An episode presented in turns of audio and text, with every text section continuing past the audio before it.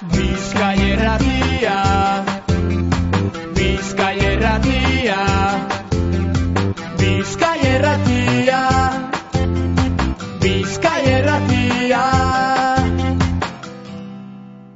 Amaikak eta mazortzi minutu eta lehen aurreratu dugunez osterea egingo dugu.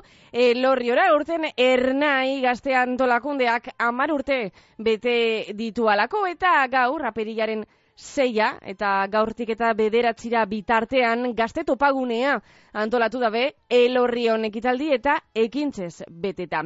Eta ernaiko peio zabarte daukagu bestaldean. E, kaixo peio, egunon? Egunon, bai, entzuten da? Bai, ontxe, perfecto. Vale, vale. Ederto. Ederto peio, bueno, amar urte, e, askar esaten dira ezta?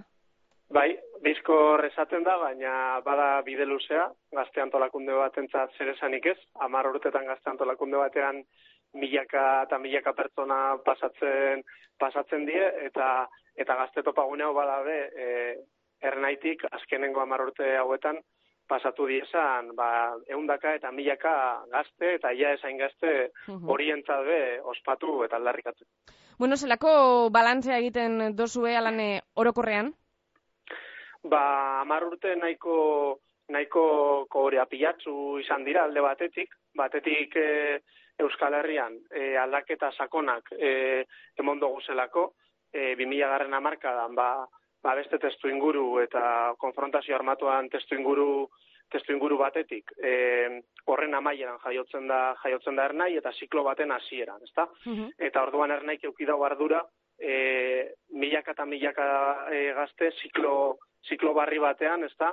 E, aktibatu eta eta antolatzeko. Eta bestetik, e, krisi sasoiak be izan die, e, 2008an lehengo krisi ekonomiko, finantziero eta soziala lehertu zan, 2008an barriro, ez da, eta bagara gaur egungo gazteak belauna, belaunaldi bat, zeinetan e, jaio eta ezigaren e, krisi, krisi horretan, ez da.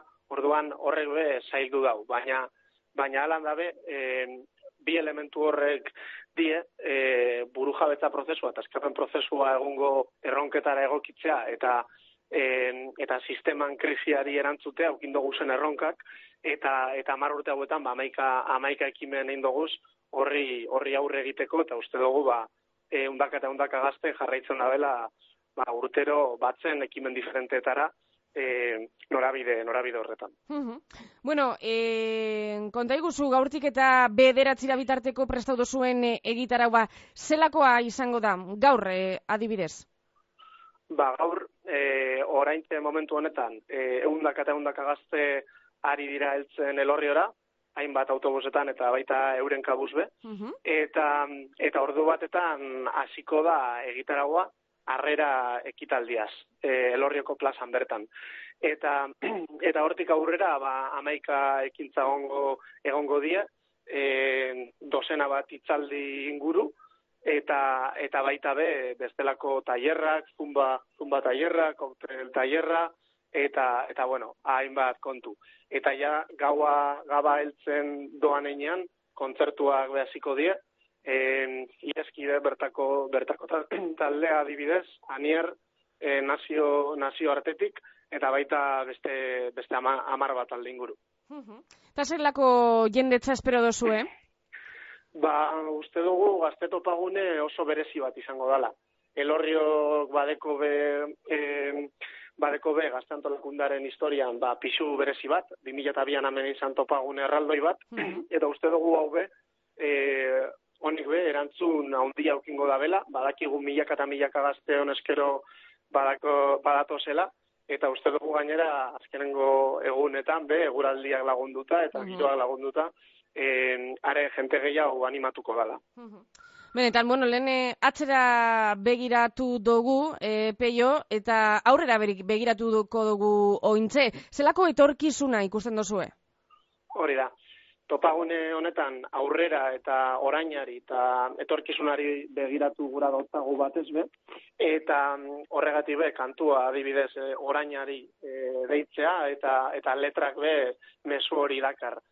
Eta guk uste dugu topagune honetan e, badeko gula plaza e, gutxi gora bera berrogeita bost bat e, itzaldi, itzalditan, bi ekitaldi politikon bidez, eta oro antolatzen dugun ekimen e, honen, honen guztiaren bidez, e, guk etorkizunean eukigura dugun e, bizitza hori e, irudikatzeko, ezta?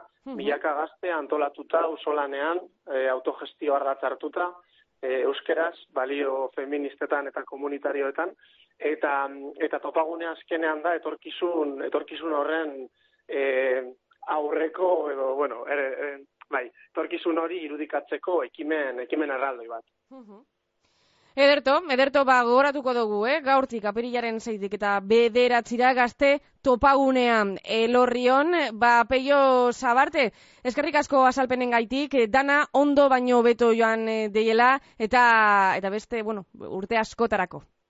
Hori da, eskerrik asko zuei. Urrengor arte, agur. Agur.